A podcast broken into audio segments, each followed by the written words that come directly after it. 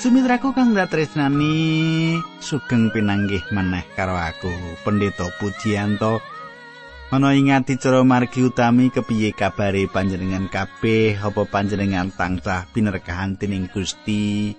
Apa panjenengan tansah bagas waras? Mengkono pandungaku aku sak kanca saka batu panjenengan tansah pinerkahan tining Gusti tansah pinayungan tining Gusti mengkono Ayo panjenengan tak derekake nyemak pangandikane Gusti. Degilut saka pasal-pasal pangandikane Gusti urutan saiki nganti Injil Markus awit saka iku panjenengan tak suwun supaya nyawisake kitab suci panjenengan. Sugeng midhangetake ati cara iki.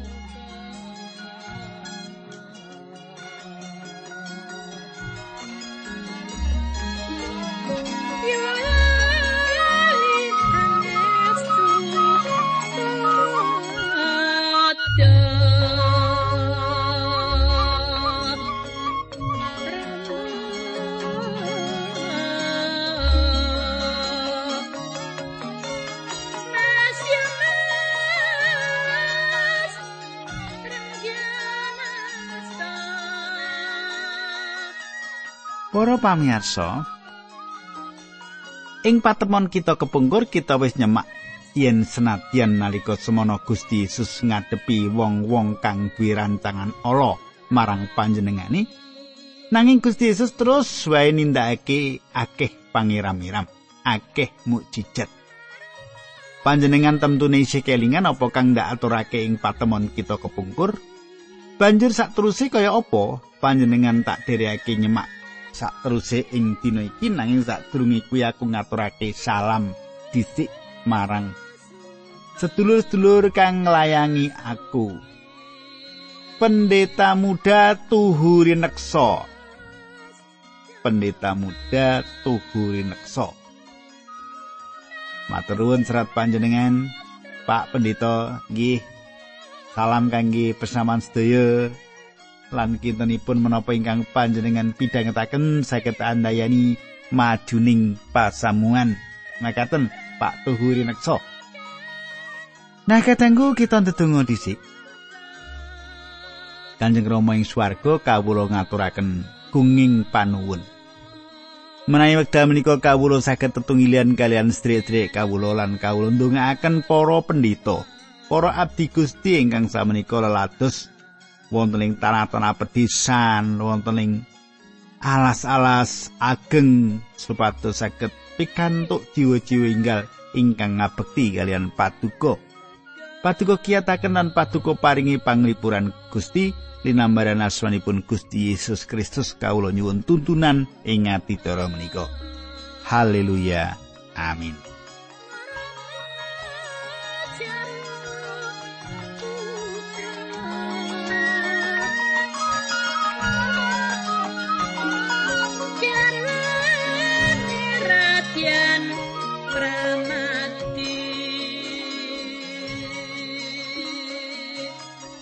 Sumitraku saiki kita wis ngancik ing Injil Markus bab 8 utawa pasal 8. Salah siji mukjizat kang ditindakake Gusti Yesus sing pasal iki yaiku Gusti Yesus maringi mangan wong patang ewu.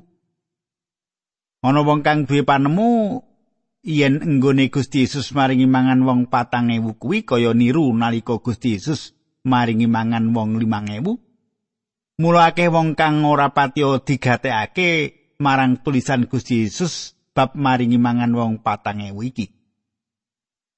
Pancen kegayutan karo Gusti Yesus maringi mangan marang wong akeh ing rong lelakon kuwi ketoke kedadiane memper. Nanging sejatine ana pitung prakara kang ora padha kang perlu kita gatekake. Pitung prakara, pitung bab kuwi yaiku ingkang angka siji Ing sajroning conto kang kawitan wong akeh wis bebarengan karo Gusti Yesus sedina banjur conto kang kapindho menehi mangan kang kapindho wong akeh mau wis bebarengan karo Gusti Yesus telung dina. Itu ya sing siji sedina sing loro rong dina. Ing lakon kang kawitan nomor loro, ing lelakon kang kawitan para murid didhawuhi lunga lan golek sepiro akeh panganan kang temawis. Nanging lelakon kang kapindho para murid wis bisa atur keterangan bab apa kang Gusti Yesus takokake. Angka telu Nalika wong 5000 diparingi mangan, panganan kang cemawis yaiku roti limo lan iwake loro. Lelakon kang kapindho kang cemawis yaiku rotine pitu lan sawetara iwak. Angka papat ing lelakon kang kawitan menehi mangan wong 5000, wong akeh didhawuhi lungguh manut kelompok-kelompok lan lungguh ing suketan. Nanging ngelakon kang kapindho wong-wong mau diparingi dawuh lungguh ana ing lemah. Kaping 5 ana ing lelakon kang kawitan dipratelake yen Gusti Yesus berkahi roti iku banjur lelakon kang kapindho dipratelake yen panjenengane ngaturake panuwun kawitan atas roti banjur sabanjure Gusti Yesus berkahi iwak 6 Sawise wong 5000 diparingi mangan sisane isih rolas wakul nanging wong patang ewu sawise mangan wareg isi sisa ana pitung wakul. Pitu mesti wae gunggunge kang diparingi mangan beda ana ing saben lakon. Kadangku katone bedane akeh banget antarane rong lelakon nalika Gusti Yesus maringi mangan marang wong akeh. Gusti Yesus wis memulang marang wong-wong mau nanging manut Yohanes panjenengane terus maringi mangan marang limang ewu wong kanthi rembugan bab roti panguripan. wulangan kang penting diparingake sawise mangan bengi. Nanging nalika maringi mangan wong patang ewu wong akeh wis bebarengan karo Gusti Yesus telung dina. Lan wong akeh mau mirengake apa kang diwulangake Gusti Yesus. Panganan diparingake sawise wong-wong mau diwulang. Kanthi tembung liya, wong akeh mau ora teka marga saka pangan, nanging wong akeh mau teko awet kepengin mirengake wulangane Gusti Yesus. Apa kang kelakon iki sawijining wulangan pelajaran kang penting kanggo kita. Apa kita uga menehi mangan ana ing gereja kanggo ngundang wong akeh mlebu gereja? Angger minggu disediake mangan. Angger minggu disediake mangan. Wakeh wong sing teko marga akeh wong ngelih. Yen kaya mengkono mula kita duwe pamrih kang luput tujuan gereja dadi salah. Saiki ayo kita semak bab 8 Injil Markus iki ayat 1 nganti ayat 6. Tak wacake ing basa petinan. Ora suwe saka lelakon mau banjur ana wong akeh banget kang padha sowan Gusti Yesus. Mongko ing kono ora ana pangan. Gusti Yesus banjur nimbali para rasul lan ngendika. Aku mesakake banget karo wong-wong kuwi wis telung dina ana ing kene padha ngetutake aku. Mongko ana ing kene ora ana sing dipangan. Yen dikon mulih ngono wae wetenge kotong gek padha ambruk ana ing dalan, mongko ana sing adoh. Para rasul padha matur kados pundi sagedipun pikantuk tetedan cekap kangge tiyang semanten kathahipun wonten ing pangginan ingkang mencil makaten Gusti Yesus nang kowe padha pira wangsulane para sekabat wonten pitu? Gusti Yesus nuli ndawi wong-wong mau padha lungguh ana ing lemah. Panjenengane banjur mundut roti pitu mau. Nuli ngaturake panuwun marang Gusti Allah sawise kuwi banjur nyuwil-nyuwil roti mau. Tumuli diparingake para rasul supaya didum-dumake marang wong akeh para rasul banjur padha nglakoni kaya sing didhawuhake tining Gusti Yesus. Kadangku katone para murid wis lali apa kang dumadi nalika menehi mangan wong 5000 Saperangan ing antarané kita uga duwe pengalaman kang memper kaya sing dilakoni para murid. Ing sawijining dina Allah nindakake perkara kang apik banget marang kita. Nanging ing liya dina kita wis lali mula nalika katempo ing kahanan kang bebayani kala-kala kita ngrasake yen iku sawijining pengalaman kang anyar Ya kaya mengkono kuwi pengalaman kita, mula aku bisa ngrasakake apa kang dialami dening para murid ing lelakon iki. Para murid wis naliti ing tengah-tengah wong akeh, dadine para murid ngerti ana roti pira, semono gunggunge iwake. Gusti Yesus ora metung pira cacahe. Nalika Gusti Allah rawuh, mula mesti ana kalubiran. Saiki ayat 10 nganti ayat 15 Markus bab 8. Mengkene surasane. Gusti Yesus lan para rasul banjur inggal-inggal padha numpak prau tindak menyang Dalmanuta. Ana wong Farisi sawetara padha sowan Gusti Yesus banjur padha bebantan karo panjenengani. Wong-wong Farisi mau arep nyoba srana padha nyuwun pratandha minangka bukti yen Gusti Allah rena marang panjenengani. Gusti Yesus ngesah banjur ngendika, "Apa sebabe wong-wong saiki kok padha njaluk pratandha? Ora. Aku ora bakal aweh pratandha sing mengkono kuwi." Wong-wong mau nuli padha ditilar dening Gusti Yesus panjenengane nuli minggah ing prau meneh banjur tindak menyang sabrangi telaga. Para rasul padha lali nggawa roti sing cukup ana ing prau kono mung ana roti siji. Gusti Yesus ngendika, "Sing padha waspada karo ragine wong Farisi lan ragine Herodes." Katangku. Ing kitab suci kapratelake menawa ragi kuwi pasemon bab wulangan kang nyasar lan ala.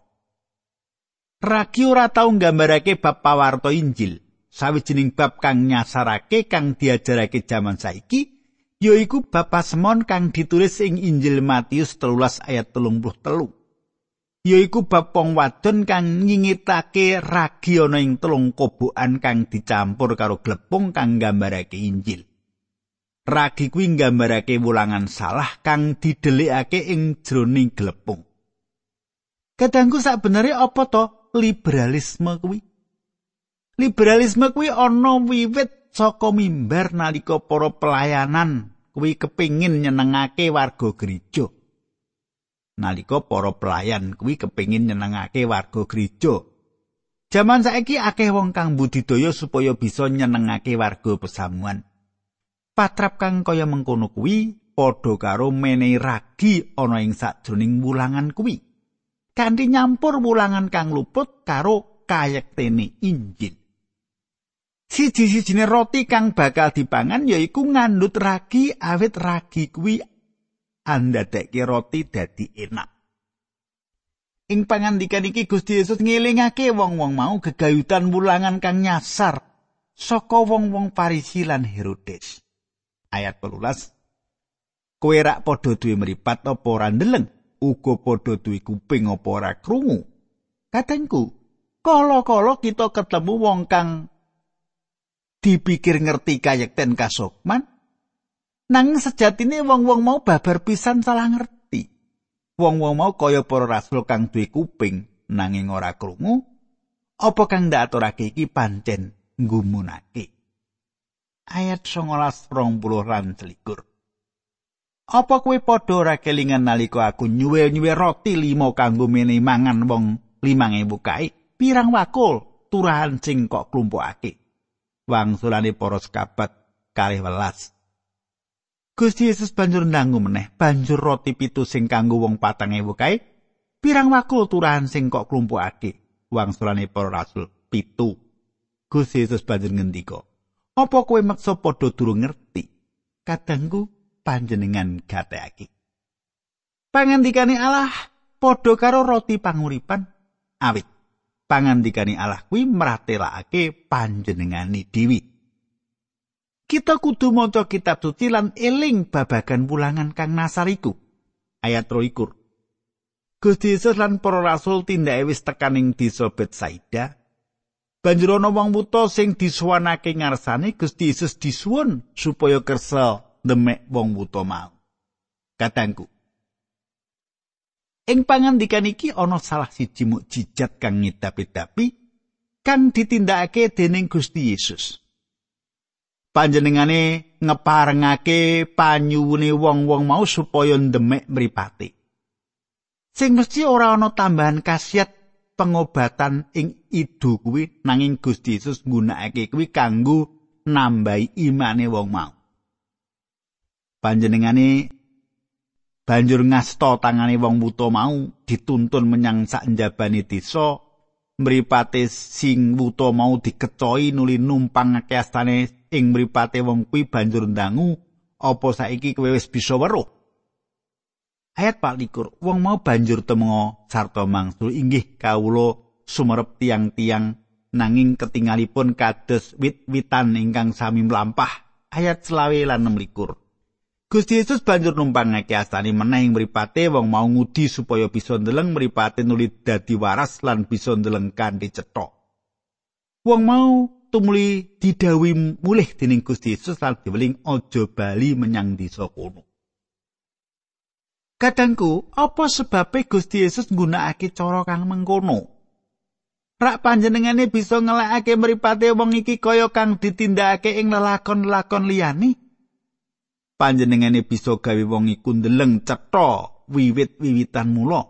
Nanging ana siji wulangan kanggo wong iku lan siji wulangan kanggo kita ing kene. Ana telung tahapan.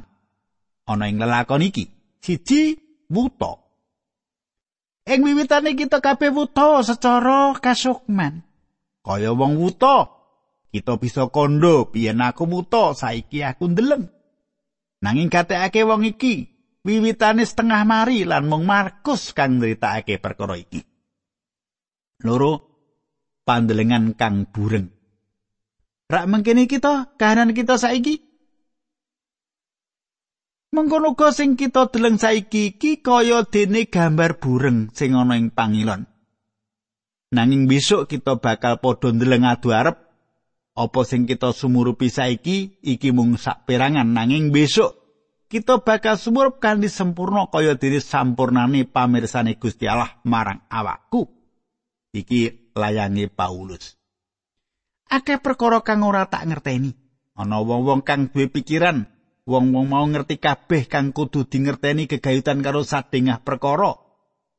Sokrates sing jamane gawe pernyataan sing dheweke kuwi wong kang paling wicaksana ing Athena.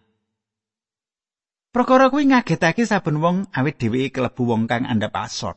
Dadi wong-wong takon marang Sokrates, "Apa kang dadi karepe?" Banjur wangsulane, "Ya pancen akeh wong Athena sing duwe pikiran yen wong-wong mau ngerti. Lan aku ngerti yen aku iki ora ngerti. Lan awit aku ngerti yen aku ora ngerti, mula aku kalebu wong kang banget duwe kawicaksanan ing Athena iki." Ing jaman iki akeh wong suci kang duwe pikiran yen wong-wong mau ngerti. Nanging Paulus kondo yen kita ndeleng lumantar pangilon kang bureng lan ya iku kahanan kita ing sajroning urip kita. Angka telu panyawang kang sampurno. Tahapan kaping telu yaiku penyawang kang sampurno. Panjenengan gatekake nalika Gusti Yesus wis rampung, panjenengane wis nyarasake wong iki kanthi sempurna. Kadangku nalika Gusti Yesus nyarasake wong wuta ing Betsaida, panjenengane ndemek mripate. Nalika Gusti Yesus nyarasake Bartemius, panjenengane ora ndemek babar pisan nanging ngendika saka kaduan lan iman agawi Bartemius ngelekake mripate. Sebanjure wong kang wis wuta wiwit lahir didawi lunga menyang kolam Siloam supaya raup. Lan iki cara kang babar pisan beda. Ayat pitulikur Gusti Yesus lan para muridé padha tindak menyang desa-desa ing sakiwa tengene kutha Kaisarea Filipi. Sajroning tindak Gusti Yesus ndangu wong-wong padha ngrasani aku iki sapa? Katangku. Ditunggalake lan gabung karo Gusti Yesus yaiku perkara kang penting. Ditunggalake lan gabung karo Gusti Yesus yaiku perkara kang penting. Kita kudu nikmati sawijining gegayutan kang bener karo panjenengane. Menawa panjenengan nyemak peta gambar panjenengan bakal nemokake kutha telu Kaisarea. Kaisarea Filipi mapan ing sisih lor Tlaga Galilea. Gusti Yesus nuju ana ing sisih lor lan panjenengane ana ing sajroning panggonan saka ngendi panjenengan bakal minggok lan miwiti jumangkah tumuju langsung menyang Yerusalem lan salib. Markus 8 ayat 28 nganti 29 wangsulane werni-werni wonten ingkang mestani Nabi Yohanes Pembaptis wonten ingkang mestani Nabi Elia, wonten ingkang mestani salah satunggalipun nabi. Gusti Yesus banjur ndangu meneh, "Lah, yen kowe dhewe kepiye? Aku kok arani sapa?" Rasul Petrus mangtuli, "Panjenengan menika Sang Kristus." Kadangku, iki sawijining ujian kanggo para murid ing wektu iki para murid isih duwe wektu 6 sasi sadurunge panjenengan tekan ing salib. Apa sing diaturake Simon yaiku atur sing paling apik tinimbang karo anggone duwe atur saksuwene kuwi. Ing wektu kuwi Simon matur makili para murid liyane, Kristus iku dudu sawijining aran. Yesus iku asmani, Kristus iku sawijining sesebutan ing basa Ibrani kasebut Mesias sing lire panjenengane kang dijebati. Aran sebutan iki nglumpukake kabeh makna kang akeh saka perjanjian lawas. Gusti Yesus rawuh kanggo mratelake sapa to Allah kuwi. Bab 8 ayat 30 nganti 31. Mengkene surasane. Gusti Yesus tumuli weling manti-manti marang para murid supaya aja padha kandha-kandha bab kuwi mau marang sapa wae. Gusti Yesus banjur wiwit nyetakake marang para murid bab putrane manungsa kang kudu nyangga kasangsaran akeh. Panjenengane bakal ditampik dening para pinituwa, dening para panggedene imam lan dening para ahli Taurat. Malah putrane manungsa mau bakal disedani nanging ing telung dinane bakal wungu meneh saka ing situ. Katangku, Gusti Yesus ora mratelake pribadine kang pinisah karo pakaryan keselamatani. Keselamatan gumantung apa panjenengan iku lan apa kang ditindakake. Markus 8 ayat 32 nganti 33. Kabeh mau ngendikake dening Gusti Yesus marang para murid kanthi blak-blakan. Krungu kang mangkono mau Rasul Petrus banjur ngaturi pirsa Yesus sarta nyaos pepenget kaya aja ngendika sing mangkono kuwi. Gusti Yesus banjur minger ngungkurake Rasul Petrus mirsani para rasul karo ndukani Rasul Petrus iblis sumingkira. pikiranmu kuwi pikiran cara manungsa dudu kaya sing dadi kersani Gusti Allah. Kadangku panjenengan gatekake para murid durung siap nampani kasunyatan iki. Gusti Yesus nganggep pranyataan iki asale saka iblis kang nampik ajining sedani Gusti Yesus. Ayat 34 nganti telung puluh wolu mengkini surasani. Gusti Yesus banjur nimbali para murid lan wong akeh liyane sing ana ing kono supaya padha swaning ngarsani pangandikane sing sapa nderek aku kudu nyingkur awake dhewe ngangkat salipe banjur ngetot buri aku. Sebab sapa sing ngiman uripe kuwi malah bakal kelangan. Nanging sing sapa kelangan uripe mergo nglabuhi aku lan Injil bakal nemu urip sejati lan langgeng apa to paedahe menawa wong duweni jagat iki kabeh nanging kelangan nyawane ora ana barang siji wae sing kena digunakake dening manungsa kanggo nebus nyawane sing ilang mau. Sopo sing izin ngakoni aku lan piwulangku ana ing jagat sing kebak duraka lan piyala iki, putrane manungsa ya bakal izin ngakoni wong kuwi besok semongso rawuh kanthi ngagem kamulyane Sang Rama ingiring dening para malaikat te suci. Kadangku, Gusti Yesus ora mratelake pribadine pinisah saka pakaryan keslametani. Sawise Petrus ngakoni sapa to panjenengane kuwi lan para murid bener-bener wanuh karo panjenengane, panjenengane langsung ngendika marang para murid. Putrane manungsa kudu nanggung akeh kasangsaran lan ditampik dening tuwa-tuwa, imam-imam kepala lan ahli Taurat, banjur dipateni lan tangi sawise telung dinani. Kadangku, Ana ing pangandikan iki Gusti Yesus ora paring persyaratan kanggo wong nampani keselamatan nanging mratelakake kalungguhan saka wong-wong kang dislametake. Kalebu golongan wong Kristen kaya ngapa panjenengan saiki? Apa panjenengan kelebu wong-wong kang ngakoni panjenengan lan ngladosi panjenengan lan budidaya kepriye bisa ngluhurake panjenengane? Utawa panjenengan saka golongan liya? Katengku, kepiye teruse perangan iki? Kita bakal nyemak ing sajroning ayat-ayat sebanjuri saka kitab Markus iki ing patemon kita sak banjuri. Monggo kita ndedonga. Kanjeng Rama ingkang ada wonten kraton ing kasuwargan. Kawula ngaturaken gunging panuwun menawi kawula saged ngincipi sesarengan roti kasuwargan ingkang dados kegiatan kawula. Ingkang saged nyempurnakaken inggih menika Sang Roh Suci piyambak. Kawula nyuwun Gusti berkahi. Dinambaran asmanipun Gusti Yesus kawula tunggu. Amin.